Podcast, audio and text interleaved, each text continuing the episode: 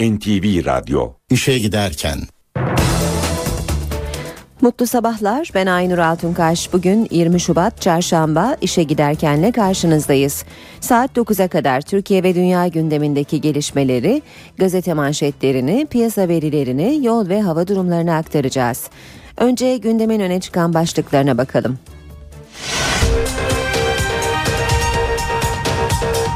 BDP'li vekiller Samsun'da da protesto ile karşılaşınca Ordu, Giresun ve Trabzon ziyaretlerini iptal ettiler.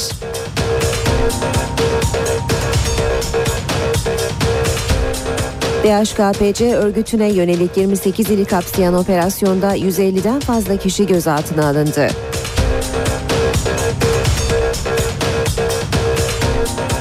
KESK üyeleri DHKPC operasyonunu protesto etti. Çıkan olaylarda ikisi polis 3 kişi yaralandı.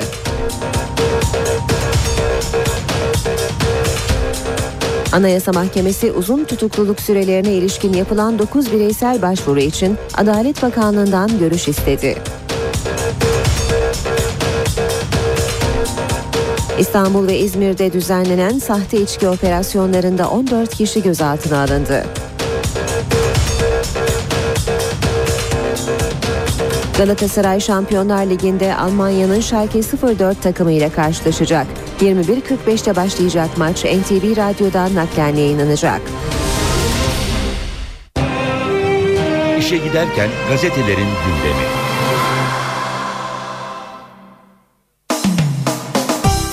Milliyet gazetesiyle basın özetlerine başlıyoruz. Saygı duymak zorundasın. Manşeti var Milliyet'te. Sinop'taki olayların CHP ile MHP'nin provokasyonu olduğunu öne süren Erdoğan, yasal toplantıya saygı duymak zorundasın dedi. Başbakan Erdoğan dünkü grup konuşmasında Sinop'ta BDP heyetine yönelik saldırılara tepki gösterdi. Eylemci grupların CHP ve MHP'lilerden oluştuğunu öne süren Erdoğan, beğenirsin beğenmezsin bu ülkenin seçilmiş milletvekilleridir. Orada yapacakları toplantıyı izlemeye de mecbur değilsin. Toplantı yasalar içinde olduğu sürece saygı duymak zorundasın dedi. Samsun'dan öteye yol yok. Karadenizlilere barış sürecini anlatmak üzere bölgeye giden BDP heyeti Sinop'un ardından Samsun'da da protestolarla karşılaşınca geziyi erkenden sonlandırdı. Samsun'da polis ciddi önlemler almasına rağmen BDP'liler kentin 10 kilometre dışında konaklamak zorunda kaldı. Heyet Ordu, Giresun ve Trabzon'a gidecekti. Devam ediyoruz. Milliyet gazetesinden haberler aktarmaya. Turu geçersek hedef final. Şampiyonlar Ligi'nde bu akşam 21.45'te Alman Schalke 04'ü ağırlayacak olan Galatasaray çeyrek final yolunda avantaj yakalamak istiyor. Teknik direktör Fatih Terim belki de son yılların en zor maçını oynayacağız. Bu turu geçersek hiçbir Galatasaraylı yarı finalle mutlu olmaz. Finale yürümemiz gerekecek dedi. Bu akşam saat 21.45'teki maçın NTV Radyo'dan naklen yayınlanacağını bir kez daha hatırlatalım. Hürriyet gazetesiyle devam ediyoruz. Hürriyet'te manşet kampların meleği. 32 yıldır Filistinli eşiyle Beyrut'ta yaşayan Türk kadını Melek El Nimer, Lübnan'daki kamplarda 1948'den beri sefaret içinde bulunan Filistinlilerin yardım meleği olmuş. Filistin Kurtuluş Örgütü'nün kurucularından olan kayınpederi Rifat El Nimer'in teşvikiyle 20 sene önce hayır işlerine başlayan Melek El Nimer'in kurduğu bir kuruluş Lübnan'da vatandaşlık ve iş imkanı olmayan Filistinli gençlere eğitim yoluyla yeni bir hayatın kapılarını açıyor. Sakık muteber de koşan er mi değil? Ergenekon'da tutuklu yargılanan İlker Başbuğ mahkemenin eski genelkurmay başkanı Koşaner ve kuvvet komutanlarını tanık olarak dinlememesini mektupla değerlendirmiş. Mahkeme terörist Şemdin Sakı'yı muteber bir tanık olarak dinlemiş. Buna karşılık Türkiye Cumhuriyeti'nin Genelkurmay Başkanlığını yapmış. Emekli Orgeneral Işık Koşaner'le kuvvet komutanlarının tanıklığına itibar etmemiştir. Onları dinlememiştir. Bu şekilde hareket edip edebilen bir mahkemenin adil yargılama yaptığını ve adil bir karara ulaşabileceğini beklemek mümkün müdür? Elbette hayır diyor Başbuğ mektubunda. Sabah gazetesinde manşet şehidime koşup müjde veririm. Teröre evlatlarını, eşlerini veren terör acısını en derinden yaşayan şehit ailelerinin çözüm umudu ortak. Bizim acımız herkesin barışı olsun diyor Sabah gazetesi haberinde. Saç teli Sierra'nın katilini ele verdi. Amerikalı Saray Sierra cinayetini DNA incelemesi çözdü. Laz Ziya olarak bilinen zanlı Ziya Tasalı'nın ağabeyinin evinde bulunan saç teli Sierra'nın üzerindeki kanla %100 uyumlu çıktı. Cumhuriyet gazetesinde manşet büyük dalga büyük dram. Muhalif avında sıra memurlara geldi. 167 kişi hakkında yakalama kararı çıkarıldı. Tedavideki kanser hastası da kundaktaki bebek de gözaltına alındı. Aydınlar, öğrenciler, askerler, sendikacılar ve avukatların ardından gözaltı dalgası memurlara ulaştı. 28 ildeki DHKPC üyeliği iddiasıyla 167 kişi hakkında gözaltı kararı çıkarıldı. KES Genel Merkezi ve evlere düzenlenen baskınlarda doktor, hemşire, sağlık memuru ve öğretmenler gözaltına alındı. Hemşire Leyla Durmaz'ın 2 yıldır kanser tedavisi gördüğü ve gözaltında olduğu için ilaçlarını alamadığı belirtildi. KESK üyeleri Ebru Önder Erbulan çiftinin 3 aylık bebeği de bakacak kimse olmadığı için gözaltına alındı denmiş haberin ayrıntılarında. Haberi Zaman Gazetesi'nde de manşette görüyoruz. DHKPC'ye büyük operasyon 27 şehirde 168 gözaltı. Amerikan Büyükelçiliğine intihar saldırısı gerçekleştiren DHKPC'nin kamudaki yapılanmasına yönelik geniş çaplı operasyon düzenlendi. Gözaltına alınanlar arasında sosyal güvenlik memurları, öğretmenler, doktor ve hemşirelerle belediye çalışanları bulunuyor. Bazı şüphelilerin polisi şehit eden teröristi sakladığı, Büyükelçiliğe saldıran Ecevit Şanlı'ya sahte kimlik temin ettiği öne sürülüyor. Bir başka haber yine zamandan afete hızlı müdahale için gemi hastaneler geliyor. Sağlık Bakanı Mehmet Müezzinoğlu dün AK Parti Meclis Grup toplantısının basına kapalı bölümünde 5 yıllık stratejik planını açıkladı. Milletvekillerine bir sunum yapan Çiçeği Burnu'da Bakan yeni dönüşüm programının ayrıntılarını verdi. Sunuma göre doğal afetlere hazırlıkta Sağlık Bakanlığı'nın önemli gündem maddelerinden biri hastanelerin depreme dayanıklılığı gözden geçirilecek. Deprem ya da afet durumunda daha hızlı bir tıbbi müdahale için Türkiye 29 sağlık bölgesine bölünecek.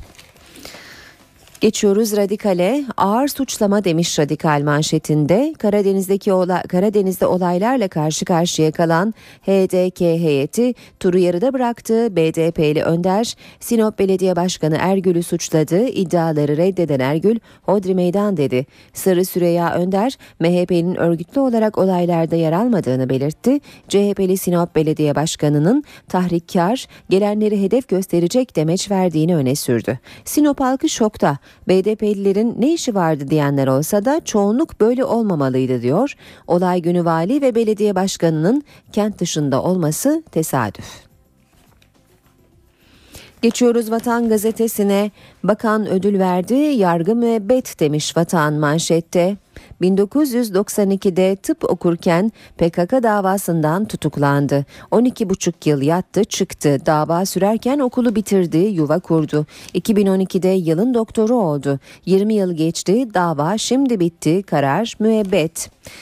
Evli ve üç çocuk babası olan Ali Dursun 2012'de yılın doktoru ödülünü eski Sağlık Bakanı Recep Akdağ'ın elinden almıştı.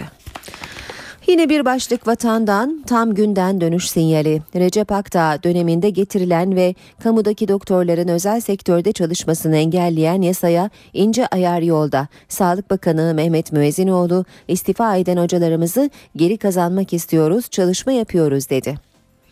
Ekmek ve taksiye zam İstanbul'da Kasım ayında yapılan ekmek zammı yürürlüğe girdi ve 85 kuruşa satılan 250 gram ekmek 1 liraya çıktı. Taksi ücretleri ise cumadan itibaren zamlandı. Kilometre ücreti 10 kuruş arttı. Habertürk gazetesiyle devam edelim. Ülkelerin doğum teşviki tarifesi farklı her çocuğa 166 bin dolar. Diyor Habertürk özel haberinde. Erdoğan'ın 3 çocuk tavsiyesiyle başlayan teşvik hazırlığı dünyada yeni değil. Bebek yapana bonus ilk Avustralya'da başladı sonra diğer ülkelere yayıldı. Singapur'da doğumda 12 bin dolar nakit var. Yıl boyu ödemeler 166 bin doları buluyor. Kanada'da 16 yaş altı çocuğa 8 bin dolar. Yoksula ikinci tüp bebek başlığıyla devam edelim. Aile Bakanlığı çocuksuz yoksul vatandaşa tüp bebek yardımı için ikinci hamleyi başlattı. İlk uygulamada 2500 aile yararlanmıştı. Silivri'de milyar dolarlık gaz çıktı. Türkiye'nin 15 günlük ihtiyacı. Türkiye Petrolleri Anonim Ortaklığı emeklilerin kurduğu Merti Enerji İstanbul Silivri'de 2 milyar metreküplük doğal gaz rezervi buldu. Türkiye'nin yıllık tüketimi 48 milyar metreküp bulunan rezervle 15 günlük gaz çıkmış olacak. Akşam gazetesiyle devam edelim. Aş iş süreci demiş akşam manşette. İşte 766 bin kişiye oh dedirten kararın perde arkası. Anadolu teşvik yasası sevincinde Başbakan Erdoğan'ın uzatıyoruz müjdesi 31 bin iş yerini kapıya kilit vurmaktan kurtardı. Mutlu sonun ilk adımını CHP'li Umut Oran'la Bakan Zafer Çağlayan uçak zirvesinde attı. Gökyüzünde konuşulanlar havada kalmadı. Yeni Şafak'ta bir e, manşet Osmanlı Hinterland'ı muhalefeti korkuttu. AK Parti'ye araştırmalar yapan Polmark'ın sahibi İbrahim Dalmış'ın açıklamalarını görüyoruz. Dalmış Osmanlı bakiyesine sahip çıkan dış politika anlayışının halktan büyük destek gördüğünü söyledi. Dalmış insanların vizyonu devletinkinden önde oldu. Muhalefet ise sınırlar içinde rahatız görüşünü dayatıyor. Açılımdan korkuyor dedi. Son başlıksa taraftan sorun çıkarmayın bir heyet gelsin. İmralı heyetinde yaşanan isim kriziyle ilgili olarak Öcalan net konuştu. Eş başkanlar olmazsa BDP'den başka isimler gelsin.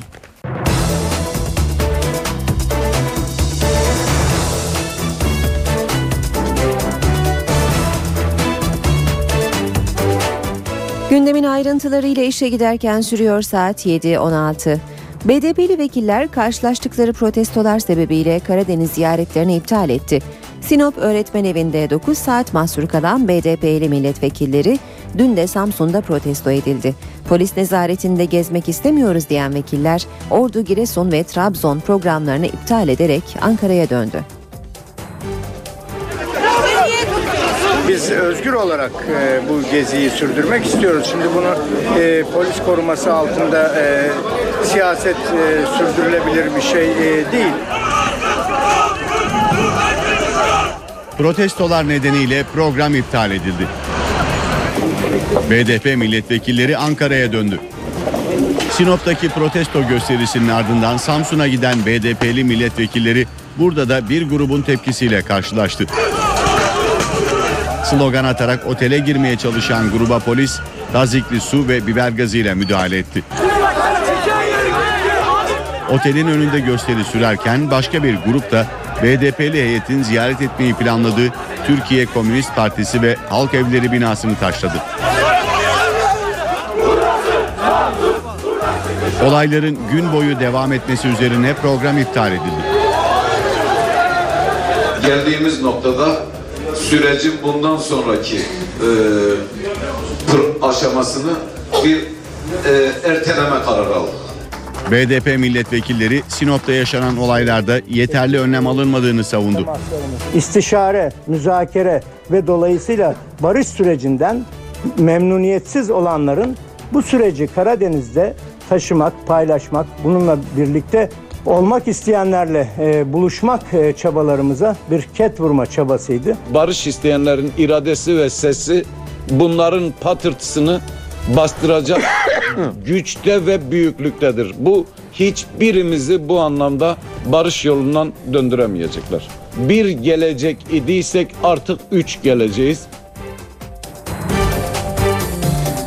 Sinop'taki olaylar siyasetin de gündeminde. Liderlerin grup toplantılarında ana gündem başlığı Sinop'tu. Başbakan Erdoğan olaylar için CHP ve MHP'li gruplar orada bir provokasyonun içinde yer alıyorlar dedi. MHP lideri Bahçeli sağduyu çağrısı yaparak bu olayların tekrarlanmaması temennimizdir ifadesini kullandı. CHP grup toplantısında konuya değinmezken BDP'dense Sinop valisi ve CHP'ye tepki geldi. Sinop'ta ne yazık ki CHP ve MHP'lilerden oluşan gruplar orada bir provokasyonun içinde yer alıyorlar. Beğenirsin beğenmezsin. Bu gelenler bu ülkenin seçilmiş milletvekilleridir. Saygı duymak zorundasın. Başbakan Recep Tayyip Erdoğan Sinop'ta BDP heyetine yapılan saldırıyı bu sözlerle değerlendirdi. CHP ve MHP'ye yüklendi. CHP lideri Kemal Kılıçdaroğlu grup konuşmasında olaya değinmedi. MHP liderinden sağduyu çağrısı geldi. Ne olursa olsun tahriklere, provokasyonlara dikkat etmek yöre insanımızın her zaman göstereceği olgunluk ve sağduyulu bir tavır olacaktır ve olmalıdır. Ülke huzurunun ve kardeşlik duygularının korunması açısından tekrarlanmaması bizim en harisane dilek ve temennimizdir. Meclis Başkanı Cemil Çiçek de yazılı bir açıklamayla olayı kınadı. Açıklamada bu provokatif eylemi kınıyor, bir daha böylesi olayların yaşanmamasını temenni ediyorum ifadeleri yer aldı. BDP eş başkanı Gülten Kışanağ'ın hedefinde ise Sinop valisi ve CHP vardı. İçişleri Bakanı'na bu program konusunda bilgi verilmiştir. O gün valinin kentte bulunmaması açıkça yapılabilecek olası provokasyonlar konusunda en hafifinden sorumluluktan kaçma yaklaşımıdır. Sinop'un CHP'li belediye başkanı açıkça kışkırtıcı beyanlarda bulunmuştur. Hala CHP'den böyle bir ses çıkmamıştır.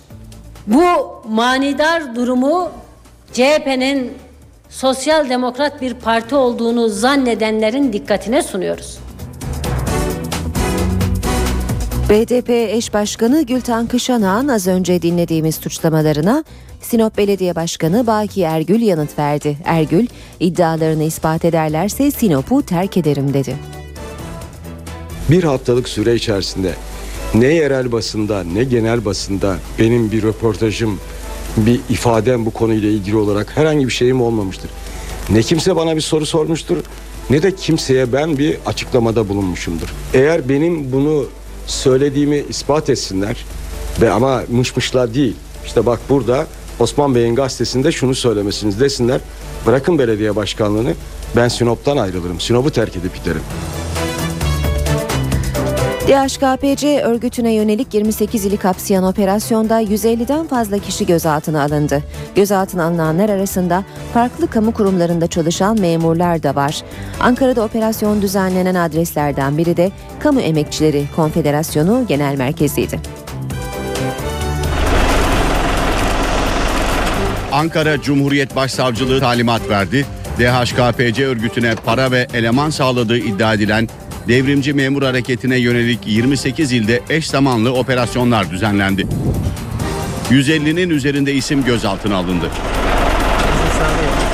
Ankara'da operasyon düzenlenen adresler arasında Kamu Emekçileri Sendikaları Konfederasyonu Keskin Genel Merkezi de vardı. Keskin, eğitim ve örgütlenmeden sorumlu Genel Sekreteri Akman Şimşek'in odasındaki aramalar 4 saat sürdü. Akman Şimşek ise Antalya'da gözaltına alındı. Şimşek'in örgüte para ve eleman sağlayan yapılanmanın Türkiye sorumlusu olduğu iddia ediliyor. Kes davası, kes, kes. KES Genel Başkanı Lami Özgen operasyona tepki gösterdi. Yıllardır hukuksuz bir şekilde bizi izlediğinizi, dinlediğinizi biliyoruz. Buna gerek duymayın.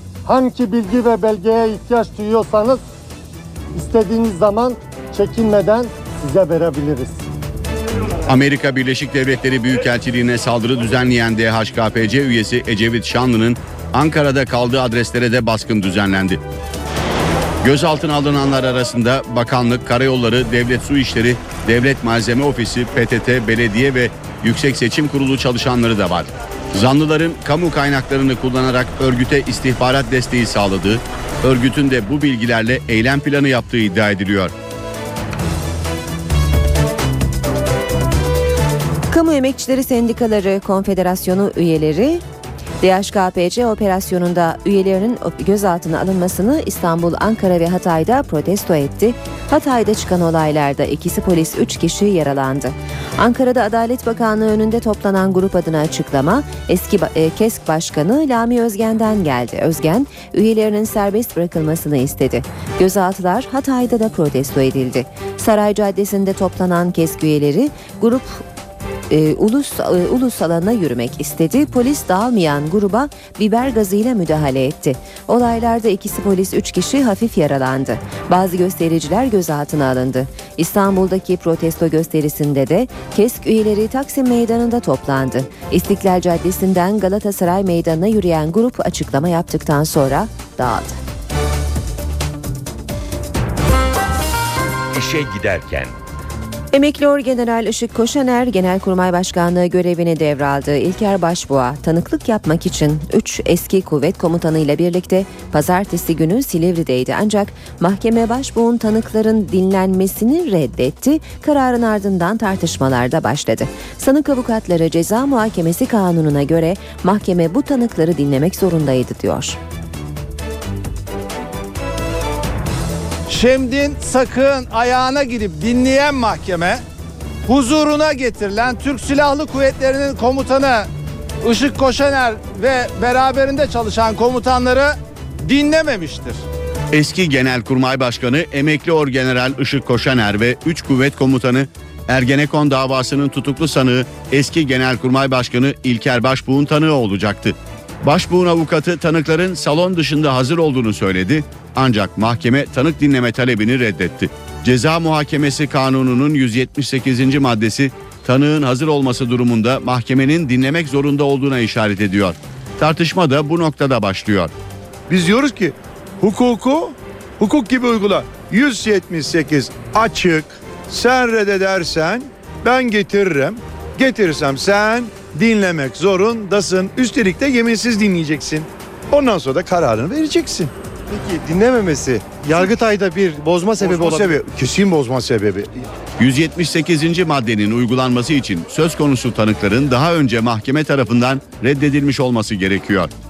Başbuğun avukatı 9 ay önce talepte bulunmuş ve red yanıtı almıştı. Avukat Reşat Petek, tanıkların dinlenilmesi zorunlu diyor ama mahkemenin takdirine de dikkat çekiyor. Ee, çok sayıda tanık göstererek duruşmaları adeta tıkamak, e, sonuçlanmayacak hale getirmek mümkündür. Çünkü bakın bir taraftan adil yargılamada makul sürede davanın bitmesini sağlamaya çalışıyor mahkeme, adil yargılama ilkesi için. Diğer taraftan da savunmayı kısıtlamadan bu kararı e, yargılamayı bitirmek durumunda. Yani buradaki dengeyi sağlayacak, sonuca gitmede adil yargılamayı sağlayacak mahkemedir. Mahkeme başkanı da bunu yönetir. yönetir. Mahkeme tanıkların yeterli olduğunu ve artık tanık dinlenmeyeceğini açıklamıştı. Fenerbahçe Kulübü Başkanı Aziz Yıldırım Silivri cezaevinde ziyaretlerde bulundu. Aziz Yıldırım eski Gaziantep Belediye Başkanı Celal Doğan'la birlikte eski Genelkurmay Başkanı Emekli Orgeneral İlker Başbuğ ve CHP Zonguldak Milletvekili Mehmet Haberal'ı ziyaret etti. Ziyaret yaklaşık 2 saat sürdü. Ergenekon davası sanığı Profesör Fatih Hilmioğlu Zirve Yayın Evi davasında tanık olarak ifade verdi. Malatya'daki Zirve Yayın Evi'nde biri Alman uyruklu 3 kişinin öldürülmesiyle ilgili dava kapsamında Silivri cezaevinde ifadesi alınan eski İnan Üniversitesi Rektörü Profesör Doktor Fatih Hilmioğlu, Hurşit Tolo'nun üniversitelerinde 2007 yılında bir konferans verdiğini söyledi. Hilmioğlu konferansa ben de katıldım, misyonerlikle ilgili bir şey konuşulmadı dedi. Katliam haberini yemekte aldıklarını anlatan Hilmioğlu, Hurşit Tolon da dahil masada bulunan herkes bu vahşeti şiddetle kınamıştı dedi. Fatih Hilmioğlu, üniversitenin jandarma bölgesinde olması nedeniyle zirve davasının tutuklu sanığı dönemin jandarma komutanı Mehmet Ülger'le 3-4 kez görüştüğünü söyledi. Anayasa Mahkemesi uzun tutukluluk ve uzun yargılamalara ilişkin yapılan 9 ayrı bireysel başvuru için Adalet Bakanlığı'ndan görüş istedi. Gelen savunma doğrultusunda bu alanlardaki başvurularda imsal kararlar alınması ve haksız yargılama veya tutuklamalara son verilmesi hedefleniyor. Anayasa Mahkemesi Adalet Bakanlığı'ndan 9 ayrı dava ile ilgili savunma istedi. Yüksek Mahkeme bireysel başvuru hakkıyla önüne gelen uzun tutukluluk süreleri ve uzun yargılama konusunda 9 örnek dosya seçti. Adalet Bakanlığı'na sordu. Dosyalar arasında 9 yıldır süren bir dava da var. Adalet Bakanlığı 2 ay içinde savunmasını Anayasa Mahkemesi'ne ulaştıracak. Ardından da Yüksek Mahkeme'deki süreç başlayacak. Anayasa Mahkemesi bakanlıktan gelen savunmalar ve sonuçları değerlendirecek. Dosyaları en kısa sürede karara bağlayacak. Yüksek Mahkemenin verdiği karar hak ihlalini ortadan kaldırmaya yönelik olursa yerel mahkeme bu karar doğrultusunda hareket edecek. Yani haksız uzun tutukluluk ya da yargılama durumu söz konusuysa buna son verilecek. Anayasa Mahkemesi bu uygulamayla hak ihlallerini ortadan kaldırmayı hedefliyor. Yüksek Mahkeme ayrıca Türk mahkemelerinde alınan kararların Avrupa İnsan Hakları Mahkemesi kriterleri doğrultusunda olmasını hedefliyor. Anayasa Mahkemesi'ne bugüne kadar 2760 bireysel başvuru yapıldı. Bu başvurular arasında 70'in üzerinde uzun tutukluluk süreleriyle ilgili dosya bulunuyor. Saat 7.30 NTV Radyo'da işe giderken de birlikteyiz. Az sonra 3 büyük şehrimizin trafik notlarını ve spor haberlerini aktaracağız. Şimdi kısa bir aramız var. Ara vermeden önce gündemin başlıklarını hatırlatalım. BDP'li vekiller Samsun'da da protesto ile karşılaşınca Ordu, Giresun ve Trabzon ziyaretlerini iptal ettiler.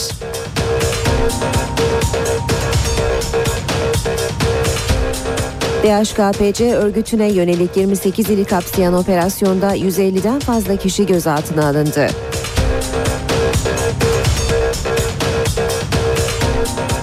KESK üyeleri DHKPC operasyonunu protesto etti. Çıkan olaylarda ikisi polis 3 kişi yaralandı.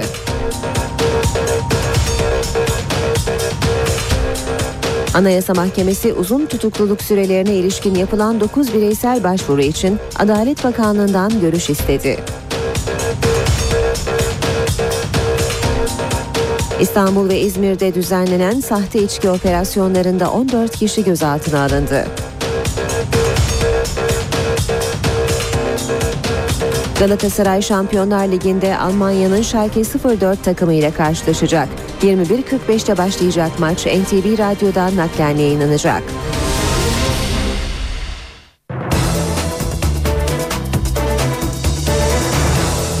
Saat 7.36 işe giderken de birazdan spor haberlerine bakacağız. Önce 3 büyük şehrimizin trafik notlarını aktaralım.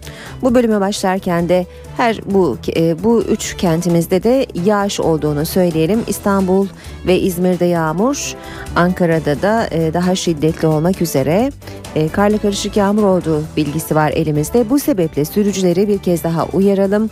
Özellikle köprü ve viyadüklerdeki buzlanmaya karşı biraz daha yavaş seyredilmesinde fayda olduğunu söyleyelim. Hemen trafik notlarını aktarmaya başlayalım. İstanbul'la. İstanbul'da kimi yerlerde yol çalışması da var ve Boğaziçi Köprüsü trafiğini de etkiliyor bu çalışmalar. E, hemen hatırlatalım e, sürücülere e, Boğaziçi Köprüsü Balmumcu katılımı çalışma sebebiyle trafiğe kapatıldı. Sürücülerin Yıldız katılımını kullanmaları öneriliyor. Ayrıca Tarlabaşı Bulvarı Taksim Meydanı yönünde de trafiğe kapalı. Trafiğe gelince Anadolu Avrupa geçişi e, Fatih Sultan Mehmet Köprüsü yoğunluğu Küçük Bakkalköy'de başlıyor. Köprü girişine kadar devam ediyor. Ters yönde ise gişelerde başlayıp köprü girişine kadar devam eden bir yoğunluk var. Temle devam edelim köprü yönünde e, trafik yoğunluğu Mahmut Bey'de başlıyor. Ara ara hafiflese de Maslak Kavşağı'na kadar devam ediyor. Metris e, ve iki telli arasında da yine çok yoğun bir trafik olduğunu söyleyelim. Boğaziçi Köprüsü Anadolu Avrupa geçişi yoğunluğu Çamlıca'da başlıyor ve köprü girişine kadar devam ediyor. Ters yönde ise özellikle Mecidiyeköy itibariyle başlayan çok yoğun bir trafik olduğunu görüyoruz. D100 ile devam edelim. Yeni Bosna itibarıyla Otakçılara kadar trafiğin çok yavaş seyrettiğini görüyoruz. O 3 karayolunda Mahmut Bey Doğu Kavşağı hal arası çift yönlü ve hal Bayrampaşa arası da e, yoğun bir trafiğe sahip. Anadolu yakası E5 karayolunda Bostancı Kozyatağı arası ve Göztepe kavşağında trafik yavaş bir seyre sahip. Ayrıca Küçük Yalı Maltepe arasında çift yönlü bir trafik olduğunu söyleyelim. E, Kartal Pendik yönünde de kavşak çalışması sebebiyle çok yoğun bir trafik olduğunu görüyoruz. E, Küçükçekmece Avcılar arasında da yoğunluğun çift yönlü olduğunu ifade edelim. Ambarlı parseller istikametinde de bir araç arızasının bölge trafiğini olumsuz etkilediğini görmekteyiz. Ankara ve İstanbul'la devam edelim. Ankara'da Cinnah Caddesi Atatürk Bulvarı arasındaki e, mesafeyi 14 dakikada 25 kilometre süratle kat edebilir. Dinleyenler Kızılay Dikmen arasını 10 dakikada ve 29 kilometre hızla gidebilir. İzmir'de ise Bornova Alsancak arası 40 kilometre hızla 14 dakikada, Mavişehir Konak arası ise yine 40 kilometre hızla 22 dakikada kat edilebilir.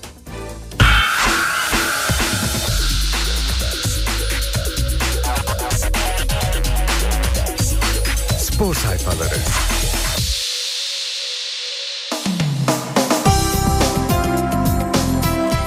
Spor gündemindeki en önemli madde Galatasaray'ın Schalke 04 ile yapacağı e, karşılaşma. Milliyet gazetesi yarı final yetmez demiş habere. Fatih Terim Schalke maçı öncesi iddialı konuştuğu çıtayı yine yükseğe koydu. Şampiyonlar Ligi'nde maç kaybetmeyen bir rakibi kolay kura e, kul, e, kolay kura göstermek bize kötülüktür. Belki de son yılların en zor maçını oynayacağız. Gol yemeden alacağımız her sonuç bizi avantajlı duruma getirir. Coşkumuz ve hislerimizle değil, aklımızla oynamamız gereken bir maç. Bu sezon ilk hedefimiz son 16'ya kalmaktı ancak benim tecrübelerim diyor ki artık burayı geçersek kimse yarı finalden bile tatmin olmaz. Türk Telekom Arena'da 21.45'te başlayacak karşılaşma NTV Radyo'dan canlı olarak yayınlanacak. Hatırlatalım bir kez daha. Emre ucuz kurtuldu. Drogba şut çalışmasında az kalsın Emre Çolak'ı sakatlıyordu. Genç futbolcu fil dişi sahille Yıldız'ın attığı sert şuttan çabukluğu sayesinde kurtulmayı başardı. Sabriye Görücü Galatasaray'da Eboye'nin yokluğunu çok iyi değerlendiren Sabri Sarıoğlu'nun performansı Valencia'nın ilgisini çekti. İspanyollar bu futbolcuyu izlemek için iki görevli yolladı ancak Sabri yedek oturabilir. Galatasaray'ı iyi analiz ettik. Schalke'nin hocası Keller, Cimbom'u çok iyi gözlemlediklerini söyledi. Nasıl kırabileceğimizi tespit ettik diye konuştu. Devam ediyoruz Milliyet'ten aktarmaya Beşiktaş'ta barış rüzgarı. Kartal'da Başkan Fikret Orman'la Futbol Komitesi Başkanı Tamer Kıran arasındaki Masör Necati Yücel krizi tatlıya bağlandı. Orman, o benim kardeşim derken Kıran'ın da sorunu uzatmayacağı ifade edildi. Son karar Selçuk. Aykut Kocaman, Avrupa'da oynayamayan Emre ile cezalı Miraleş'in yokluğunda orta alanda Mehmet Topal Selçuk ikilisine şans tanımayı planladı. Christian yine forvet arkası oynayacak. Gerçek Batı İstanbul'da Borişovlu oyuncular hücum takımı olmadıkları için ilk maçta çok zorlandıklarını söylediler. Biz savunma ve kontra atak konusunda iyiyiz. Gerçek kimliğimizi rövanşta göstereceğiz dediler. Tolunay Kafkas sert çıktı. Trabzonspor'un hocası bu işin altından ya kalkacağım ya kalkacağım. Kimsenin gözünün yaşına bakmam. Canımızı acıtanın biz de canını acıtacağız diye konuştu. Trabzonspor Teknik Direktörü Tolunay Kafkas, Başkan Sadri Şener'in Fenerbahçe maçında tribünü terk etmesine çok üzüldüğünü söyledi. Pınar'la büyüdük. Hem Türkiye hem Avrupa'da çok iyi bir sezon geçiren Pınar Karşıyaka, Letonya temsilcisi Ventpils'i İzmir'de devirdi. İkinci tur maçlarının tamamlanmasına bir hafta kala lider olarak çeyrek finale yükselmeyi garantiledi. Rakibini Pınar Karşıyaka 84-75 yenmeyi başardı. Cimbom'a teselli. Eurocup'ta çeyrek final umudunu geçen hafta kaybeden Galatasaray, grubun son maçında kendisini kendisi gibi iddiası kalmayan Kızıl Yıldız'ı tek sayı farkla devirmeyi başardı 85-84. Fener'den şov, kadınlar Euroleague'deki temsilcilerimizden Fenerbahçe ikinci tur ilk maçında Macaristan'ın Uni Gior takımını 32 sayı farkla yenerek seride 1-0 öne geçti. Milliyet'ten aktardık. Geçiyoruz Sabah gazetesine. Sabahtan aktaracağımız ilk başlık. Tarihin eziyor, terim eziyor, kadron eziyor. Sahada da ez. Terim'in aslanları Şampiyonlar Ligi'nde çeyrek final kapısını e, aralamak için Türk Telekom Arena'da 50 bin taraftarını arkasına alıp bu gece Schalke 04 karşısına çıkıyor. Fenerbahçe büyük takıma yakışır şekilde kenetlendi. Mersin, Bate ve Trabzon karşısında alınan sonuçlar takımın moral ve güvenini arttırdı. Kocaman kaybedilen Sivas maçının ardından kadroyu bozmayarak güven aşıladı. Rıdvan Dilmen'in değerlendirmelerini görüyoruz Sabah gazetesinde. Devam edelim yine sabahtan aktarmaya. Kaldırımdan tam destek. Seyircisiz oynama cezası nedeniyle yarın tribüne alınmayacak Fenerbahçe taraftarı stat dışından takımına destek verecek. Miraleş armayı boşuna öpmedim demiş. Hatamın farkındayım, özrümü diledim, formamı terletmeye devam edeceğim açıklamasını yapmış. Bekir'in yerine Yobo, Fenerbahçe deplasmandaki Bate maçından farklı bir kadroyla sahaya çıkacak. Miraleş'in yanı sıra Bekir de sarı kart cezalısı. Bekir'in yokluğunda savunmada Egemen'in yanında ülkesinden geçen cumartesi dönen Yobo yer alacak. Sol bekte yine Zigler olacak. Kurallar gereği oynayamayan Emre ve Miraleş'in yokluğunda Göbek Mehmet Topal Christian ikilisinden oluşacak. 4 maçtır solda oynayan Sol bu kez Vebo'nun arkasında yer alacak. McGregor yetersiz sürüştüğü hedefteki İskoç için iyi kaleci maç kurtarır 20 maçtan birisini kazandıramıyorsa büyük bir takımın kalecisi değildir açıklamasını yapmış. Ve teknoloji 2014'te başlıyor. FIFA gol çizgisi teknolojisinin bu yaz Konfederasyon Kupası ve 2014 Dünya Kupası'nda kullanılacağı açıklamasını yaptı. Devam edelim. Spor haberleri aktarmaya Sabah gazetesinden yine bir başlık korkunç şüphe yemeklere mi karıştırıldı? Halter'de 23 yaş altı milli takımda 16 sporcuda birden doping çıkması şok etkisi yarattı. Bütün testlerde aynı yasaklı maddeye rastlanması korkunç iddiaları beraberinde getirdi. Son olarak da Hürriyet gazetesinden aktaracağız. Rakamlar değil felsefe önemlidir. Fatih Terim zorlu Şalke karşılaşması öncesi çarpıcı açıklamalar yaptı. Galatasaray Teknik Direktörü iki flash transferlerinin henüz tam kapasiteye ulaşmadığını belirtti. Onlardan en iyi verimi almak istiyoruz. Yeni bir sistem deniyoruz ama benim için asıl olan rakamlar değil felsefedir diye konuştu.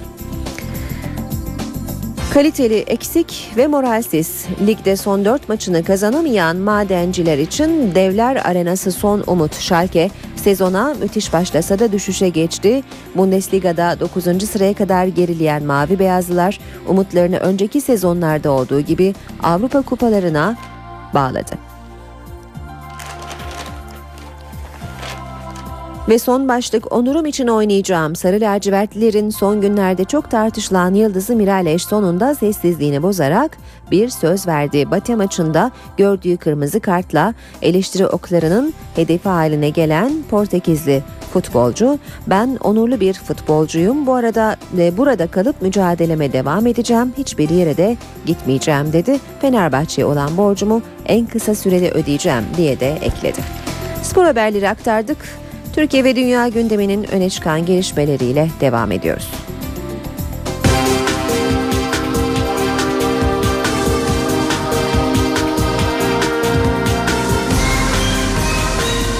İşe giderken. Saat 7.47. Sağlık Bakanı Mehmet Müezzinoğlu tam gün yasası nedeniyle üniversitelerden ayrılan doktorları geri döndürebilmek için gelecek hafta bir toplantı yapılacağını söyledi. Dinleyen taraf olacağız diyen Sağlık Bakanı 20 bin uzman doktora ihtiyaç olduğunu da açıkladı. Bakınız ben şimdi hekimim. Sağlık Bakanı Mehmet Müezzinoğlu tam gün yasası konusunda Selefi Recep Akdağ'dan farklı tavır aldı. Tam gün yasası nedeniyle üniversitelerden ayrılan hocaları geri döndürmek için gelecek hafta bir toplantı yapacağını duyurdu. Kendileriyle görüşeceğiz. Yani kendilerin sıkıntıları, sorunları varsa da biz hükümet olarak çözme gayreti içinde olacağız. Ben de Sağlık Bakanı olarak temel bakışım benim ülkemin yetişmiş e, bir hekimi, hele hele hoca düzeyindeki hekimlerimizi bu milletin azami istifadesine sunmak gibi temel sorumluluğumuz olduğu kanaatindeyim. Toplantıda dinleyen taraf olacaklarını belirten Müezzinoğlu, tam gün yasası ile ilgili bazı sorunların birkaç ay içinde çözüleceğini duyurdu. Kalan aksaklıkların daha geniş bir zamana yayılarak ortadan kaldırılacağını söyledi. Müezzinoğlu hekim açığına da dikkat çekti. Önümüzdeki süreçte belki Sağlık Bakanı olarak beni, hükümetimizi de en fazla yıpratacak olan, yoracak olan tek bir mesele var. Bu binaları öyle veya böyle yapacağız. E, fiziki mekanları öyle veya böyle iyi hale getireceğiz. Teknolojik donanımı öyle veya böyle finansmanı bulacağız ve çözeceğiz. Ama bulamayacağımız bir şey var. Hekim. hekim açığımız var. Çok net söylüyorum. Bana en az 20 bin uzman hekim var. Sağlık Bakanı Türkiye'deki hekim açığı konusunda YÖK'ü iyi planlama yapmamakla, Türk Tabipler Birliği'ni ise ideolojik davranmakla suçladı. Müezzinoğlu meclis gündemindeki kamu özel ortaklığı yasasıyla ne amaçladıklarını da anlattı. Hedefimiz bu önümüzdeki 5 yıl içinde bu alanda 44-45 bin civarında yatağı sağlık e, hizmetlerine sunabilmek. Sağlık alanında kamuyu çok daha güçlü hale getirmek istiyoruz. Yoksa özel hastaneler kamunun önüne geçtikçe işte o zaman sağlık Türkiye'de özelleşiyor. Kamu mutlaka özelden en az 3-4 adım önde olmalı. İstanbul Eyüp Devlet Hastanesi'nde 45 dakika süren bir kavga yaşandı. Hasta yakınları arasında çıkan kavgada azil servis doktoru da tartaklandı. Sandalyelerin havaya atıldığı, bıçakların çekildiği kavgayı polis güçlükle sonlandırdı. Şiddetin hedefindekiler bu defa sağlık çalışanları değildi. Kavga acil servise gelen hastalar arasında çıktı. Alkollü olarak acile gelen bir grupla hasta yakınları arasında kavga çıktı. Oksijen tüpleri havada uçuştu. Kavgaya karışan gençlerden biri pantolonunun kemerini çıkarıp karşı tarafa savurmaya başladı. Alkollü gencin pantolonu düştü. Ama bu bile kavgadan vazgeçmesi için yeterli olmadı. Gencin acil servisteki koşuşturmaları dakikalarca sürdü. Hastanenin güvenlik görevlileri kavgayı durduramayınca devreye polis girdi. Alkollü genç arkadaşlarıyla polise de direndi. İki grup arasındaki kavgayı ayırmaya çalışan acil servis doktoru da saldırganların hedefi oldu. İşlerinden bir tanesi e, Savaş Akam'a bir yumruk darbesi attı. E, fakat yanımda güvenlik görevlileri de vardı. Güvenlikten e, o hasta yakının dışarı çıkarılmasını istedim. Fakat hasta yakını direndi. Bunun üzerine olay gene büyümemesi için hastayı muayeneye geçtim. Polisler uzun uğraşlar sonucu kavgayı bitirdi. Acil servisi tam 45 dakika iş yapamaz duruma getirenler gözaltına alındı. Amerikalı Saray Sierra cinayetinde yeni ipuçları gündemde. Amerikalı kadının ölümünden sonra kayıplara karışan ve sürekli yer değiştiren Laz Ziya lakaplı zanlının Karabük'teki evinden toplanan saç örnekleri polisi önemli sonuçlara ulaştırdı. İddiaya göre saç örnekleriyle Amerikalı kadının tişörtündeki kandan alınan doku örnekleri uyum sağladı. Ayrıca Sierra cinayeti eski dosyaların da tekrar açılmasına sebep oldu. Sierra'nın ölü bulunduğu yerde daha önce iki kadın turistin cinsel saldırıya uğradığı ortaya çıktı. Saray Sierra cinayetini aydınlatması için kurulan özel ekip önemli ipuçlarına ulaştı. Polisin peşine düştüğü bir numaralı cinayet zanlısı Lazia lakaplı kişi. Saray Sierra'nın tırnakları arasından alınan doku örnekleriyle şüphelinin kardeşinden alınan kan örneği DNA'sı uyumlu çıktı. Polis Sierra'nın ölümünden sonra kayıplara karışan zanlının Karabük'teki evinde de cinayetin izini sürdü, yastıklardan saç örnekleri topladı. İddiaya göre saç örnekleriyle Amerikalı kadının tişörtündeki kandan alınan doku örnekleri uyum sağladı. Polisin her yerde aradığı bir numaralı cinayet zanlısının Hatay'a gittiği yönündeki iddialar üzerine de kentte kontroller sıkılaştırıldı. Saray Sierra'nın ölü bulunduğu yerle ilgili yeni bilgiler de var. 2007 ve 2010 yıllarında iki kadın turistin aynı yerde cinsel saldırıya uğradığı ortaya çıktı. Polis o olayların dosyasını da yeniden açtı. İstanbul ve İzmir'de dün sahte içki operasyonları düzenlendi. Polis 14 kişiyi gözaltına aldı. İstanbul Bağcılar'da bir apartmanın giriş katında sahte içki imal edildiği yönünde ihbar alan polis akşam saatlerinde eve baskın yaptı. Evde 500 litre sahte içki, binlerce boş şişe ve bandrol bulundu. 4 kişi gözaltına alındı. Dün İzmir'deki baskınlarda da bazı depolarda kaçak içki üretildiği tespit edildi. Bir polis ve vergi denetim memurunun da bulunduğu 10 kişi gözaltına alındı. Ankara'da ATM dolandırıcıları yakalandı. Polis bankamatiklerin içine konulan gizli kameralarla kart bilgilerini ele geçiren bir çeteye baskın düzenledi. Operasyonda yakalanan 3 kişi tutuklanarak cezaevine gönderildi. Hırsızlar üzerinde gizli kamera olan iki aparatı bankamatiğe yerleştiriyorlar. Amaçları elde edilecek görüntüyle banka müşterilerinin kart şifresini öğrenmek. Diğer aparatsa bankamatik kartının kopyasını alıyor. Kamera düzeneği yerleştirilmişler. Kayıt düzeneği. Ee, kartın bilgilerini kayıt altına alıyor. Hırsızların 10 ilde yüzlerce kişinin hesabından bu sistemle yaklaşık 200 bin lira para çektiği tespit edildi. Ankara polisi 6 aylık takibin ardından harekete geçti. Gözaltına alınan 3 kişi mahkemede tutuklanarak cezaevine gönderildi. NTV Radyo Herkese yeniden günaydın. Ben Aynur Altunkaş. Birazdan işe giderken de Gökhan Abur'la hava durumunu konuşacağız. Önce gündemin başlıklarını hatırlatalım. BDP'li vekiller Samsun'da da protesto ile karşılaşınca Ordu, Giresun ve Trabzon ziyaretlerini iptal ettiler.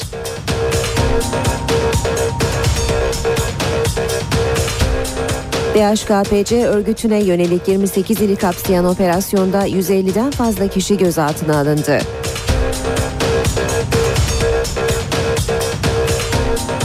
KESK üyeleri DHKPC operasyonunu protesto etti. Çıkan olaylarda ikisi polis 3 kişi yaralandı.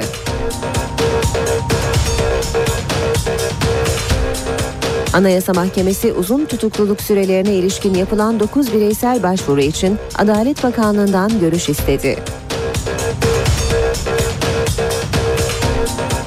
İstanbul ve İzmir'de düzenlenen sahte içki operasyonlarında 14 kişi gözaltına alındı.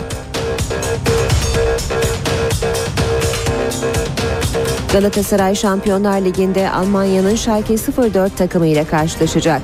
21.45'te başlayacak maç NTV Radyo'dan naklen yayınlanacak.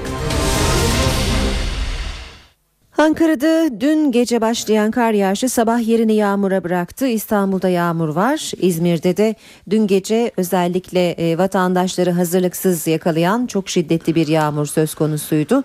Yani e, yağmur, kar yine kış koşulları devam etse de bugünün 20 Şubat olduğunu ve Cemre düşeceğini hatırlatarak Gökhan Abura günaydın diyelim. Günaydın. Neler söyleyeceksiniz?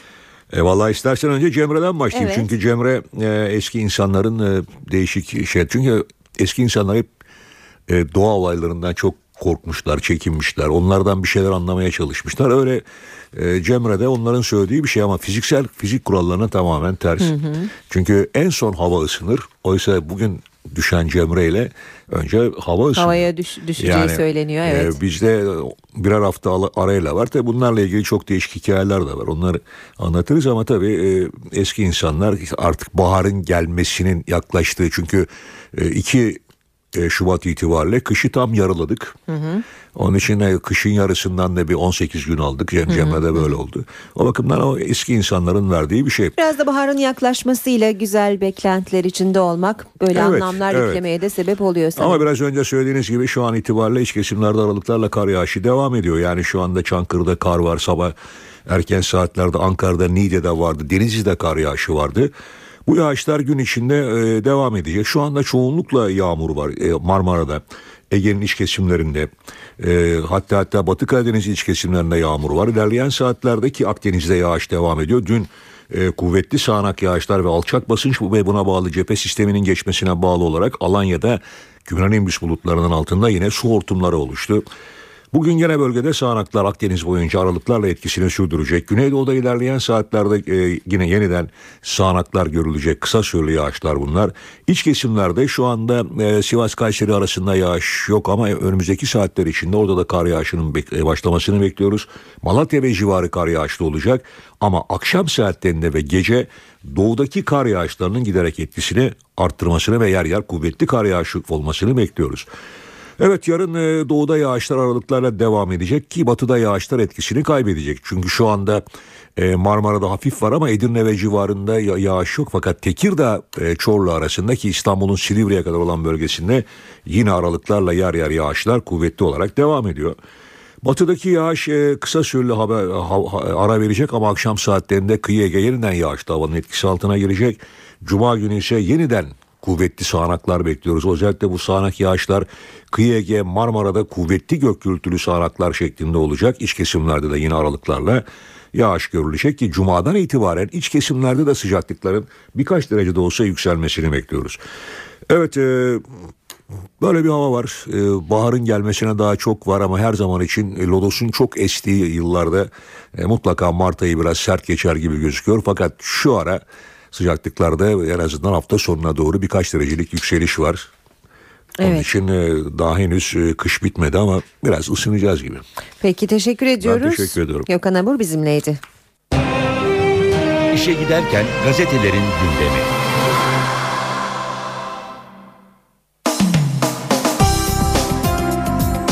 Milliyet gazetesiyle basın özetlerine başlıyoruz. Saygı duymak zorundasın diyor Milliyet manşette.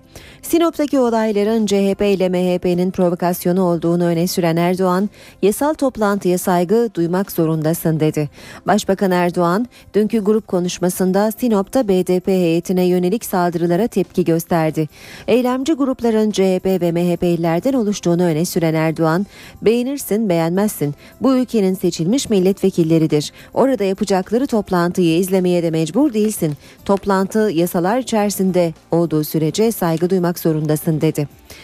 Samsun'dan öteye yol yok. Karadenizlilere barış sürecini anlatmak üzere bölgeye giden BDP heyeti Sinop'un ardından Samsun'da da protestolarla karşılaşınca geziyi erken sonlandırdı. Samsun'da polis ciddi önlemler almasına rağmen BDP'liler kentin 10 kilometre dışında konaklamak zorunda kaldı. Heyet Ordu, Giresun ve Trabzon'a gidecekti.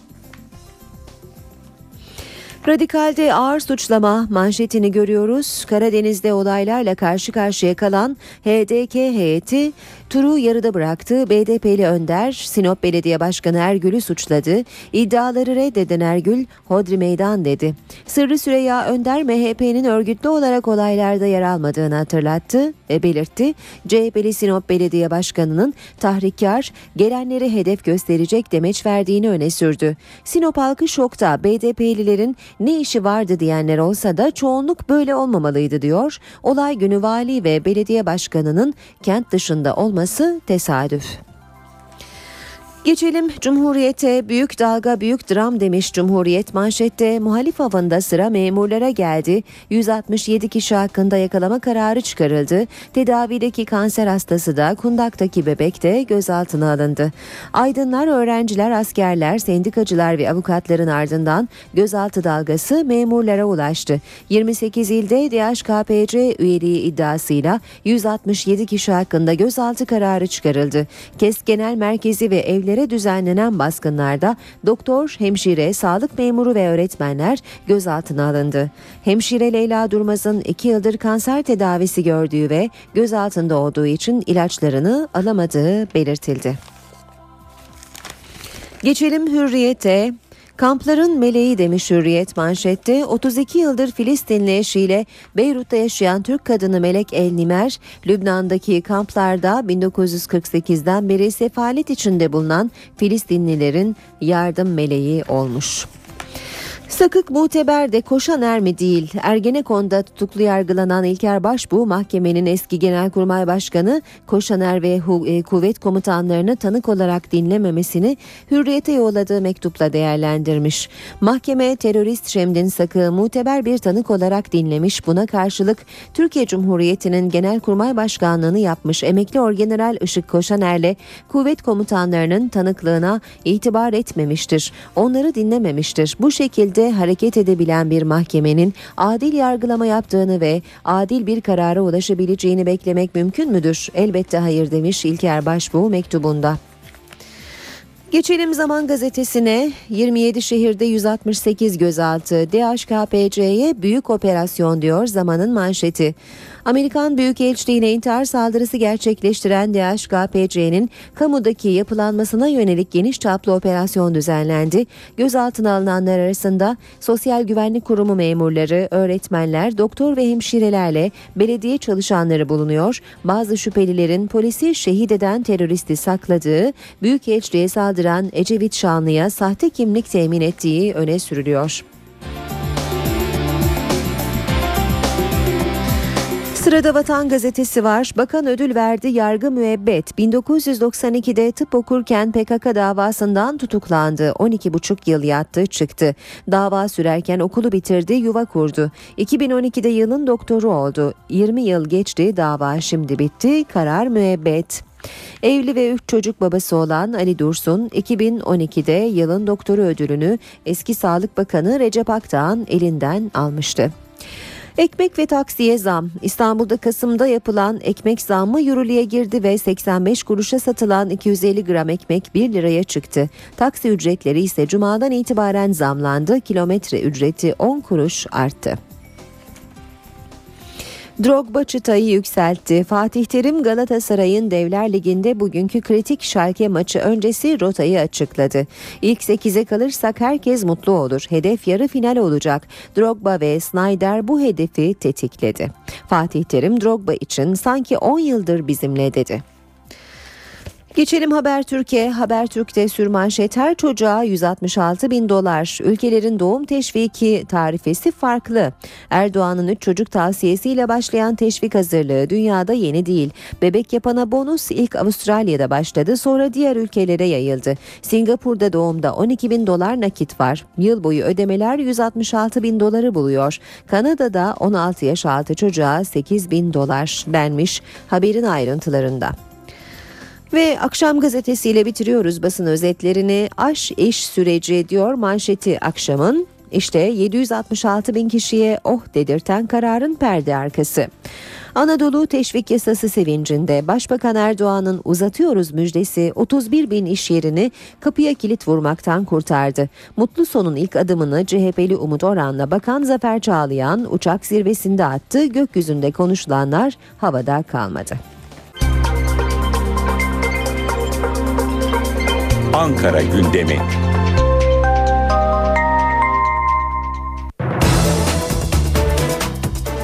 Başkent gündemiyle devam ediyoruz saat 8.17. Karşımızda Murat Barış Korat var. Murat günaydın.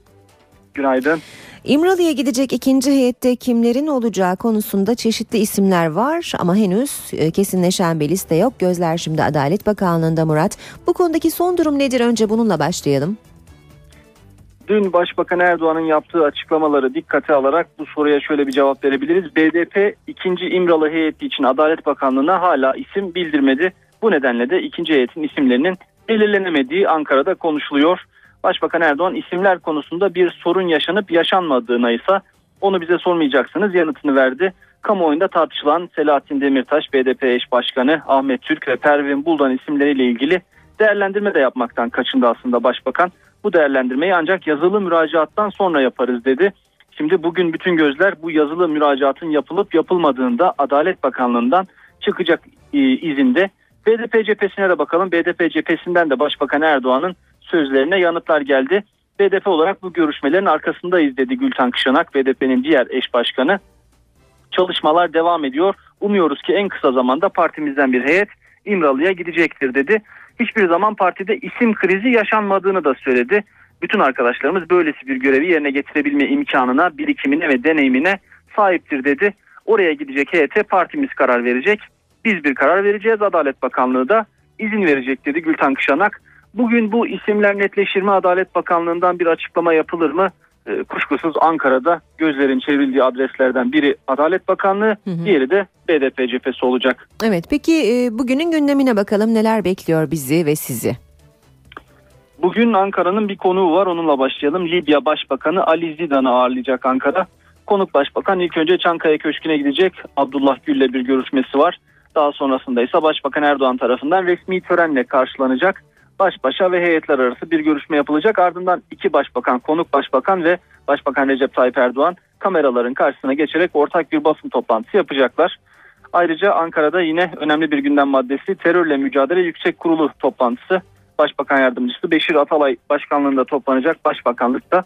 E, güvenlikle ilgili bürokratlar oluyor bu toplantıda. Hükümet cephesinden Dışişleri Bakanı, Milli Savunma Bakanı, Maliye Bakanı oluyor. Yine asker cephesinde Genelkurmay 2. Başkanı, kuvvet komutanları ve önemli birisi MİT Müsteşarı Hakan Fidan'ın da terörle mücadele yüksek kurulu toplantısına katılmasını bekliyoruz. Ana muhalefet cephesinde Cumhuriyet Halk Partisi'nde ise Merkez Yönetim Kurulu toplantısı var. Rutin bir toplantı her hafta yapılıyor. Genel Başkan Kemal Kılıçdaroğlu başkanlığında yapılıyor. Ülke gündemi kuşkusuz Merkez Yönetim Kurulu toplantısında değerlendiriliyor. Genelde de parti sözcüsü Haluk Koç bu toplantı devam ederken gündeme ilişkin soruları cevaplandırıyor. Cumhuriyet Halk Partisi'nin görüşlerini bir basın toplantısıyla duyuruyor. Meclis Genel Kurulu'na da kısaca bakalım. Sağlıkta kamu özel ortaklığını öngören yasa tasarısının görüşmelerine devam edilecek. Dün akşam saatlerinde bu tasarının birinci maddesi kabul edildi. Temel kanun olarak görüşülüyor. İki bölüm halinde görüşülecek. Bu hafta Meclis Genel Kurulu'nda başka bir tasarının görüşülmesi beklenmiyor. Bunu bitirmeye çalışacak iktidar ve muhalefet kanadı. Bugün e, biz habercilerin taktığı isimle aslında Böcek Komisyonu mecliste çalışacak. Asıl adı Haberleşme ve Özel Hayatın Gizliliğini Araştırma Komisyonu. Dinleme, e, kayıt alma skandallarıyla ilgili kurulmuştu. Başbakan Erdoğan da NTV yayınında zaten açıklamıştı. Kendi bürosunda da bir böcek bulunduğunu, dinleme cihazı bulunduğunu. Bunun üzerine kurmaylar harekete geçmiş ve mecliste bir komisyon kurulmasına karar verilmişti. Bugün üçüncü toplantısını yapacak bu komisyon.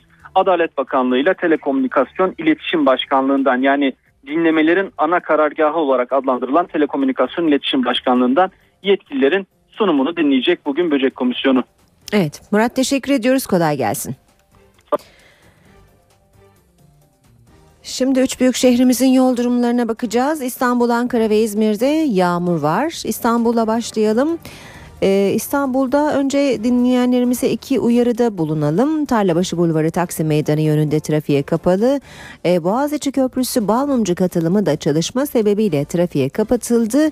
Alternatif olarak Yıldız katılımını kullanabilirsiniz. Pek çok yerde olağanüstü yoğunluk olduğunu söyleyelim. Tem otoyolunda Gazi Osman Paşa'dan Maslak Kavşağı'na kadar trafik yoğun seyrediyor.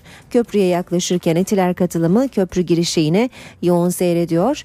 Anadolu Avrupa geçişi yoğunluğu Kozyatağı kavşağı itibarıyla e, devam ediyor. Köprü girişine kadar da trafik yoğun. Ayrıca Tem Ataşehir e, Dudullu kavşağı arasında da yoğun bir trafiğe sahip. Ataşehir Kozyatağı arası da yoğun seyrediyor. Boğaziçi Köprüsü Anadolu Avrupa geçiş yoğunluğu Çamlıca itibarıyla köprü çıkışına kadar etkili bir e, durumda. Ters yönde ise e, Mecidiyeköy'de başlıyor köprü çıkışına kadar da etkili. D100 karayolunda yine trafik çok yoğun. Özellikle köprü yolunda Çoban Çeşme itibarıyla başlayan ve Çağlayan'a kadar devam eden sürücüleri zorlayan bir trafik olduğunu görüyoruz. Ters yönde İncirli Kavşağı Çoban Çeşme arasında trafik yoğun seyrediyor. O 3'te Mahmut Bey Doğu Kavşağı hal arası çift yönlü bir yoğunluğa sahip hal anıt mezar arasında da yoğun bir trafik olduğunu görüyoruz. Anadolu yakası E5 karayolunda Kartal Kavşağı yoğun seyrediyor. Ayrıca Küçük Yalı'dan itibaren Kozyatağı'na kadar da seyir hızı oldukça yavaş. Göztepe Kavşağı'nda da hafif bir yoğunluk olduğunu söyleyebiliriz.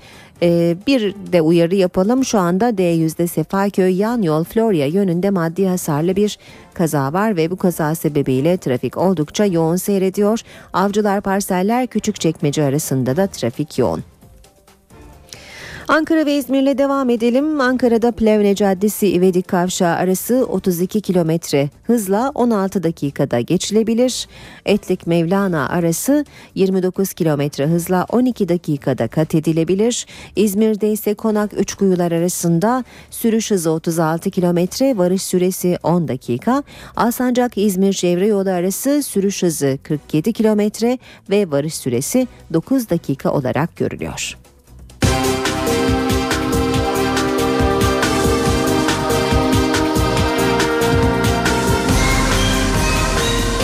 İşe giderken. Milliyetçilik tartışması ve İmralı süreci liderlerin grup konuşmalarının gündemindeydi. Her türlü milliyetçiliği ayaklar altına aldık diyen Başbakan Tayyip Erdoğan'a MHP lideri Devlet Bahçeli'den yanıt geldi. İki lider birbirlerine sert sözlerle yüklendi. CHP Genel Başkanı Kemal Kılıçdaroğlu da Başbakan Erdoğan'a çağrıda bulundu. Başbakan artık Türk milletinin şah damarına basmıştır. Türklüğe hakaret eden, milliyetçiliği ayaklar altına aldığını söyleyebilecek kadar ileriye giden birisinin yediği ekmek haram lokma, içtiği su zehir olacak ve boğazında duracak. Kime yutturacaksın sen bu milliyetçiliği? Kafatası milliyetçiliğiyle milliyetçilik olmaz. Polemik Başbakan Erdoğan'ın Midyat'ta yaptığı her türlü milliyetçiliği ayaklar altına aldık sözleriyle başladı. Başbakan'a ana muhalefetten de tepki geldi. Yüreğin yetiyorsa, cesaretin varsa, adam gibi adamsan git bu konuşmayı Rize'de yap bakalım. Milliyetçilik polemiği grup konuşmalarının da ana gündem maddesiydi. Bahçeli ve Erdoğan birbirlerine sert sözlerle yüklendi. Ne Hakkari'ye gidebilirsin, ne affedersiniz Van'a gidebilirsin. O taraflara hiç gidemezsin. Sadece Ankara'dan konuşursun. Sivas'ın ötesine geç görelim seni. Irkçılık yaptınız. Kavmiyetçilik yaptınız. Kabilecilik yaptınız. Şeytani olan anlayışa hizmet ettiniz. Anlaşılan başbakan ya aklını kaybetmiş, ya izanını yitirmiş ya da gerçek kimliğini bu kadar yıl saklayacak mahareti ve iki yüzlülüğü gizli de olsa gösterebilmiştir. Sert polemik İmralı süreciyle de devam etti. Günahtır, yazıktır, hakarettir ve kesin kes ihanettir. Allah aşkına bu nasıl bir kan davasıdır? Bu nasıl bir kan sevdasıdır? Bu nasıl bir vampirlik, nasıl bir vicdansızlıktır? Hangi geri adım attığımızı açıklamayan müfteridir, namerttir. Bahçeli iktidarı ihanetle Erdoğan da MHP'yi kan üzerinden siyaset yapmakla suçladı. Bu çıldırmışlığın, bu çılgınlığın yanına kar mı kalacağını zannediyorsun? MHP memleketin en temel meselesinde bu şekilde ruhsuz, hamasi, boş konuşmalar yaparak kan akıtmayı teşvik etmekten başka hiçbir rol üstlenmiyor. BDP'li vekillerin ziyareti sırasında Sinop'ta çıkan olaylar Meclis Genel Kurulu'nda da tansiyonu yükseltti. CHP Sinop Milletvekili Engin Altay ile BDP'li vekiller arasında sert tartışmalar yaşandı. Sinop'ta kimi gençlerin daha ziyade de gençlerin Sinop'a gelen bazı milletvekillerimizi terör örgütü PKK ile olan ilişkilerinden ya da PKK'ya bakışlarından dolayı protesto etmeleri demokrasinin gereğidir. Bunda bir sorun yok. BDP'li milletvekillerinin Sinop gezisi sırasında çıkan olaylar Meclis Genel Kurulu'nda da tartışma yarattı. CHP Sinop Milletvekili Engin Altay, BDP'li vekillerin Sinop'a gitmesini eleştirince BDP sıralarından tepki aldı. Sinop çok küçük bir kasaba görünümündedir. Yani böyle bir iş yapacaksanız Türkiye'nin bu kadar büyük şehri dururken küçücük Sinop'a gitmeniz bile aslında bir tercih noktasında yanlıştır. Velev ki gel, gidebilirsiniz tabi. Velev ki bugün de olaylar Samsun'da Sayın devam ediyor. Ancak Sonra bir şeyin verirsiniz. bilinmesini isterim. Sayın terbiyesiz sensin. Demokraside protesto olur, şiddet Lütfen. olmaz diyorum ben. Ne var bunda? Sen bunun ak- aksini söyleyebilir misin? Bir dinle Sayın ne diyeceğimi bir dinle önce. Bir ne diyeceğimi dinle. Terbiyesiz sensin. Altay, Başbakanın saldırganlar arasında CHP'liler de vardı açıklamasına da tepki gösterdi. O olaylarda sen adam arıyorsan açsın bana başbakan telefon. AKP Gençlik Kolları'nda il başkanlığı yapmış ve dün olayların en önünde yürüyen insanın ismini başbakana vereceğim. Yine Sinop'un en büyük ilçesinde AKP Gençlik Kolları Başkanlığı yapan ismin adını da başbakana ben vereceğim. Kendisi ararsa vereceğim. Altay'ın bu iddiasına yanıt AK Parti Kars Milletvekili Ahmet Arslan'dan geldi. Eski Gençlik Kolları Başkanı e, olması hasebiyle AK Parti ile ilişkilendiriliyor ancak şu an herhangi bir görevi yok. Hani olayların bir şekilde AK Parti ve AK Partililerle ilişkilendirilmesinin doğru olmadığını ifade etmek istiyorum. Anayasa Uzlaşma Komisyonu mesai saatlerini arttırma kararı aldı. Gündeme bağlı olarak 14 veya 15'te başlayan komisyon toplantıları bundan böyle sabah 10'da başlayacak ve saat 19'a kadar sürecek. Komisyonun çalışma saatlerini arttırmasında Meclis Başkanı ile Başbakan Erdoğan'ın yaptıkları toplantı etkili oldu. Meclis Başkanı bu toplantıda çalışma saatlerinin artırılması gerektiğine işaret etti. Başbakan Erdoğan'ın da yeni anayasa metnini ortaya çıkarmasını çok arzuluyoruz. Komisyonun elini çabuk tutması lazım dediği öğrenildi. Birazdan kısa bir ara vereceğiz. Ara vermeden önce piyasalara bakalım. İMKB 100 endeksi 367 puan artışla %0,47 oranında değer kazandı ve 78.274 puandan kapandı. Bu sabah dolar 1.77, euro 2.38'den işlem görüyor. Euro dolar 1.34, dolar yen 94 düzeyinde.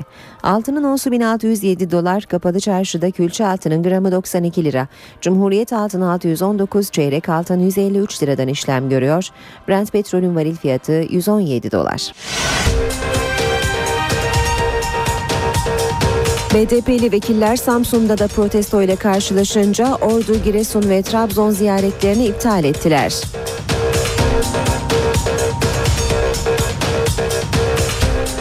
DHKPC örgütüne yönelik 28 ili kapsayan operasyonda 150'den fazla kişi gözaltına alındı.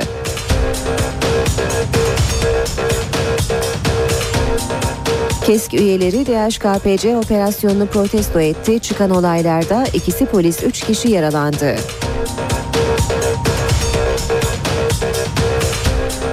Anayasa Mahkemesi uzun tutukluluk sürelerine ilişkin yapılan 9 bireysel başvuru için Adalet Bakanlığı'ndan görüş istedi. İstanbul ve İzmir'de düzenlenen sahte içki operasyonlarında 14 kişi gözaltına alındı. Galatasaray Şampiyonlar Ligi'nde Almanya'nın Schalke 04 takımıyla karşılaşacak. 21.45'te başlayacak maç NTV Radyo'dan naklen yayınlanacak.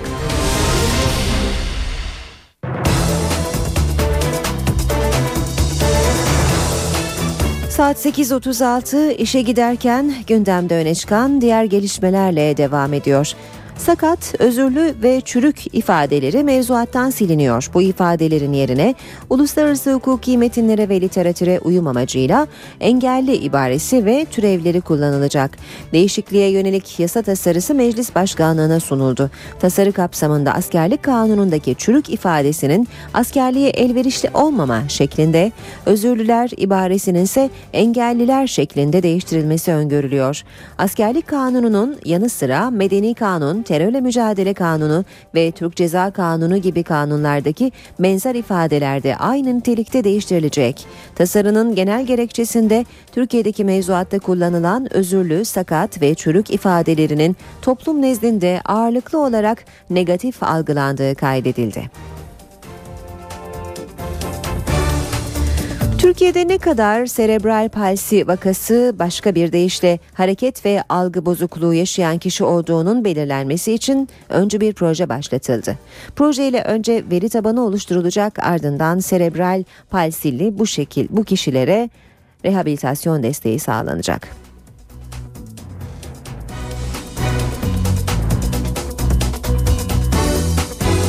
Serebral palsi, beyin ve beyincikte meydana gelen bozulmalar sonucu ortaya çıkar. Hasta kas dokusunu yönetemediği için hareket ve algı bozukluğu görülür. Türkiye'deki serebral palsi hastalarının sayısı konusunda net bir veri yok. Bu nedenle Aile ve Sosyal Politikalar Bakanlığı ve Türkiye Spastik Çocuklar Vakfı yeni bir çalışma başlattı. Serebral palsimle hayattayım adlı proje için İstanbul pilot bölge seçildi. İlk olarak Ataşehir, Pendik ve Üsküdar'da veri tabanı çalışması yapılacak. 2000 tane eve özel ziyaret yapılacak. Ve buradan seçilecek olan 100 evde çocuk ve gençlere rehabilitasyon hizmeti ve ailelerine rehberlik verilecek. Çocuklar Rehabilitasyon Merkezi'nde fizik tedaviden sanat atölyelerine kadar pek çok etkinliğe katılacak. Burada fizyoterapi uygulaması yapılmakta. Çocuğun doğru pozisyonunu alabilmesi, doğru yerlerde oturup kalkabilmesi şeklinde çocuğun bedenini kullanma, oyun oynayabilme, e, kişisel gelişimi tamamlayabilme gibi bazı özelliklerini sağlamaya çalışıyoruz burada. Aile ve Sosyal Politikalar Bakanı Fatma Şahin engellilerle ilgili projelerin süreceğini belirtti. 5000'di kamudaki yaklaşık kadrolar e, istihdamda. Engelli istihdamında bugün 27 bine ulaştık. Nargile kullanımı ile ilgili yeni yönetmelik kapıda. Nargile kafelerin düzenlemeleri yerine getirmesi gerekiyor. Aksi halde cezai yaptırımlar söz konusu. Uygulamaların yerine getirilmesi için son günse 27 Temmuz. İşte yeni yönetmeliğin ayrıntıları. Alkollü mekanları için geçerli olan kural nargile kafelere de uygulanacak. Kafenin açıldığı yer ilk orta lise öğrenim kurumları, dershane ve özel eğitim kurumlarından en az 200 metre uzakta olacak. 18 yaşından küçüklere kesinlikle nargile verilmeyecek. Nargilecilerin yeni yönetmeliğe itirazı yok. Halihazırda uygulanan e, kurallar olduğu için herhangi bir sıkıntı olacağını zannetmiyorum. 18 yaşının altında zaten kimseye verilmiyor. Nargilelerde sadece su kullanılacak. Sütlü nargile çok tercih edilen bir şey mi? Ee, fazla değil. Yani tercih edilen var ama fazla değil. Ee, sütlü nargilenin de bir zararı olduğunu da tahmin etmiyorum. Nargileciler zararlı değil dese de süt ya da şerbetli nargileler artık satılmayacak. Çoğunlukla zaten sigara kullanmayanlar iç- içiyor bunu. Yani bunu içmezsek belki sigaraya başlayacağız. Ayrıca nargilelerin düzenli bakımı yapılacak. Her gün periyodik olarak nargilelerin temizliği yapılıyor. Sipsi de tek kullanımlık şey yapıp kullanıp atılıyor. Ve nargile şişelerinin üzerinde de tıpkı sigara paketlerindeki gibi yasal uyarılar yer alacak. Sigarada bir etkisi olmadığına göre bunda da bir etkisi olacağını zannetmiyorum. Kafeler için son gün 27 Temmuz 2013. O güne kadar tebliğe uygun hale getirilmeyen nargile kafelere ceza kesilecek. İstanbul'da ekmeğe zam geldi. 250 gram ekmek 1 lira oldu. Fırıncılar Odası Başkanı Fahri Özer, doğalgaz, akaryakıt, un ve maya fiyatlarının artması nedeniyle ekmeğe zam yapmak zorunda kaldıklarını söyledi. Ekmeğin 1 lira olması çok çok para. Ekmek çok tüketili- tüketiliyor ülkemizde. Ee, ekmekle karın doyuruyor millet. İstanbul'da ekmeğe zam geldi. Artık 250 gram ekmek 1 lira. Fırıncılar Odası Başkanı Fahri Özer, maliyetlerin artması yüzünden zam yaptıklarını açıkladı. 4 yılda artan doğalgaz, akaryakıt, un fiyatlarımız ve son dönemde maya fiyatları yüzde yüz artış gösterdi. Artık fırıncının dayanacak gücü kalmamış ve e, ekmek fiyatını 250 gram 1 lira olarak açıklama zorunda kaldık. Halkımızdan özür diliyoruz. Vatandaş durumdan şikayetçi. Milletin de tek şey e, dayanağı ekmekti. Ona da habire bindiriyorlar zaten. 1 lira diyorsunuz. Gayet güzel. 3 tane 4 tane ekmek yese 4 lira yapıyor. Bir aile. Aylığa vurduğun zaman diğer taraftan gelire bakıyorsun. E insanlara yazık günah yani zaten geçinemiyorlar. Yani zam gelmesi iyi bir şey değil. Fırıncılara göre ise yeni rakam hem maliyeti kurtaracak hem de fiyat farkları ortadan kalkmış olacak. Bir de ekmek 1 lira kurtarıyor. Çoğu yerde 1 lira yani bazı yerlerde değişiyor tabii. Semte göre değişiyor yani. Ekmek bazı rekabet oluyor bazı yerlerde. Bölge bölge farkları belki kaldırmak isteyebilirler. Standart fiyat yaparlarsa bu da fırıncı için daha iyi olur yani. Ekmeğe zam geldi dedik. Bir başka zam haberimiz daha var. İstanbul'da taksilere de cuma günü itibarıyla zam uygulanacak. 2,7 lira olan taksimetre açılışı fiyatı bu cumadan sonra 2,95 liraya çıkacak. Vatan gazetesinde yer alan habere göre kilometre başına 1,83 liralık tarife işleyecek. Yani yeni zamlı tarifeyle 5 kilometrelik mesafeye 75 kuruş fazla ödeme yapılacak. Dünya gündeminden bir haberle devam edelim. Ampute atlet Oscar Pistorius'un sevgilisini öldürmekle suçlandığı davada cinayetin ayrıntıları ortaya çıktı. İkinci duruşmada anlatılan ayrıntılar Oscar Pistorius'u zor durumda bırakacak cinsten.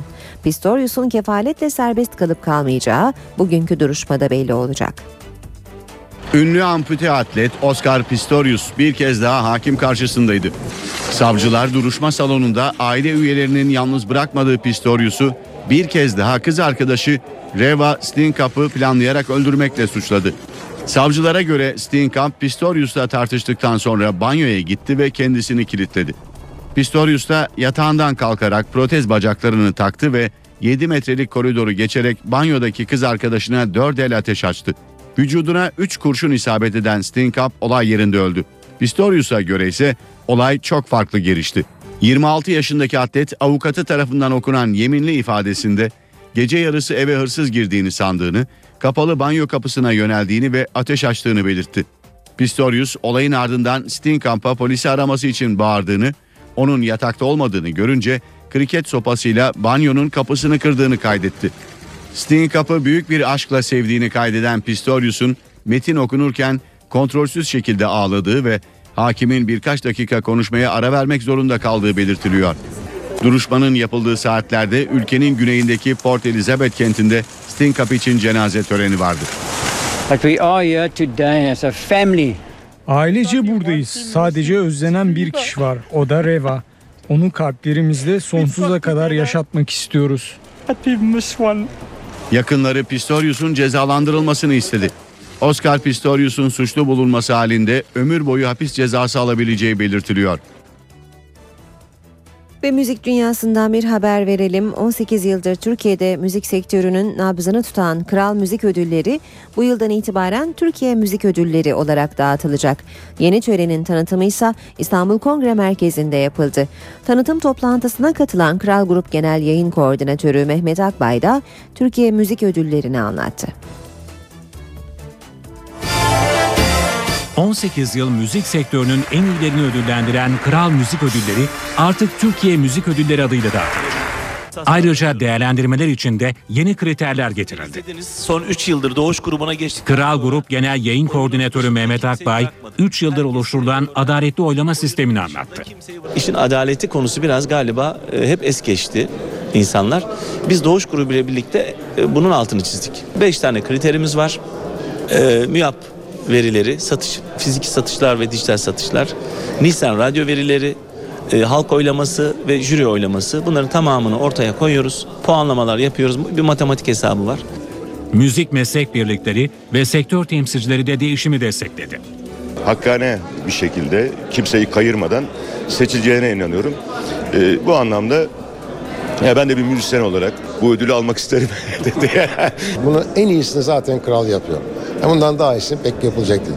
Tabii ki Bülent çok güzel bir laf etti. Ben de aynı fikirdeyim. Grammy'si Türkiye'nin bu. Türkiye Müzik Ödülleri isminde bir ödül törenine sponsor olmak e, bizim için anlam ifade ediyor. O yüzden buna çok istekliydik. 2013 Türkiye Müzik Ödülleri adayları 11 Mart'ta açıklanacak. Türkiye Müzik Ödülleri Gala Gecesi 11 Nisan'da İstanbul Kongre Merkezi'nde yapılacak ve ödüller sahiplerini bulacak. Olamaz biliyoruz ikimiz de bal gibi. Sinemanın en prestijli ödülü Oscar'lar 24 Şubat'ta dağıtılacak. Geri sayım sürerken ödül töreni öncesinde NTV Radyo'nun Oscar tahminlerine bakalım.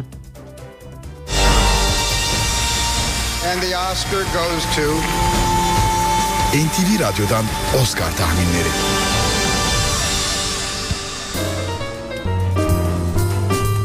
Merhaba yeniden Oscar'a doğru programında NTV Radyo'da Sevin Okya ile birlikte ben Emrah Koluksa size e, adayları tanıtmaya devam ediyoruz. Yabancı Şimdi- dilde En iyi, film. Yabancı dilde en iyi film. Burada bir kere her şeyden önce Amur hem en iyi film hem yabancı Hem dilde yabancı en iyi film. film Çok aday. rastlanan bir durum değil. Evet. O bir kere burada aday. O en güçlü adaylardan biri. Kontiki var Norveç yapımı. Evet. Şili yapımı No var daha yeni oynadı sinemalarımızda. oynadı.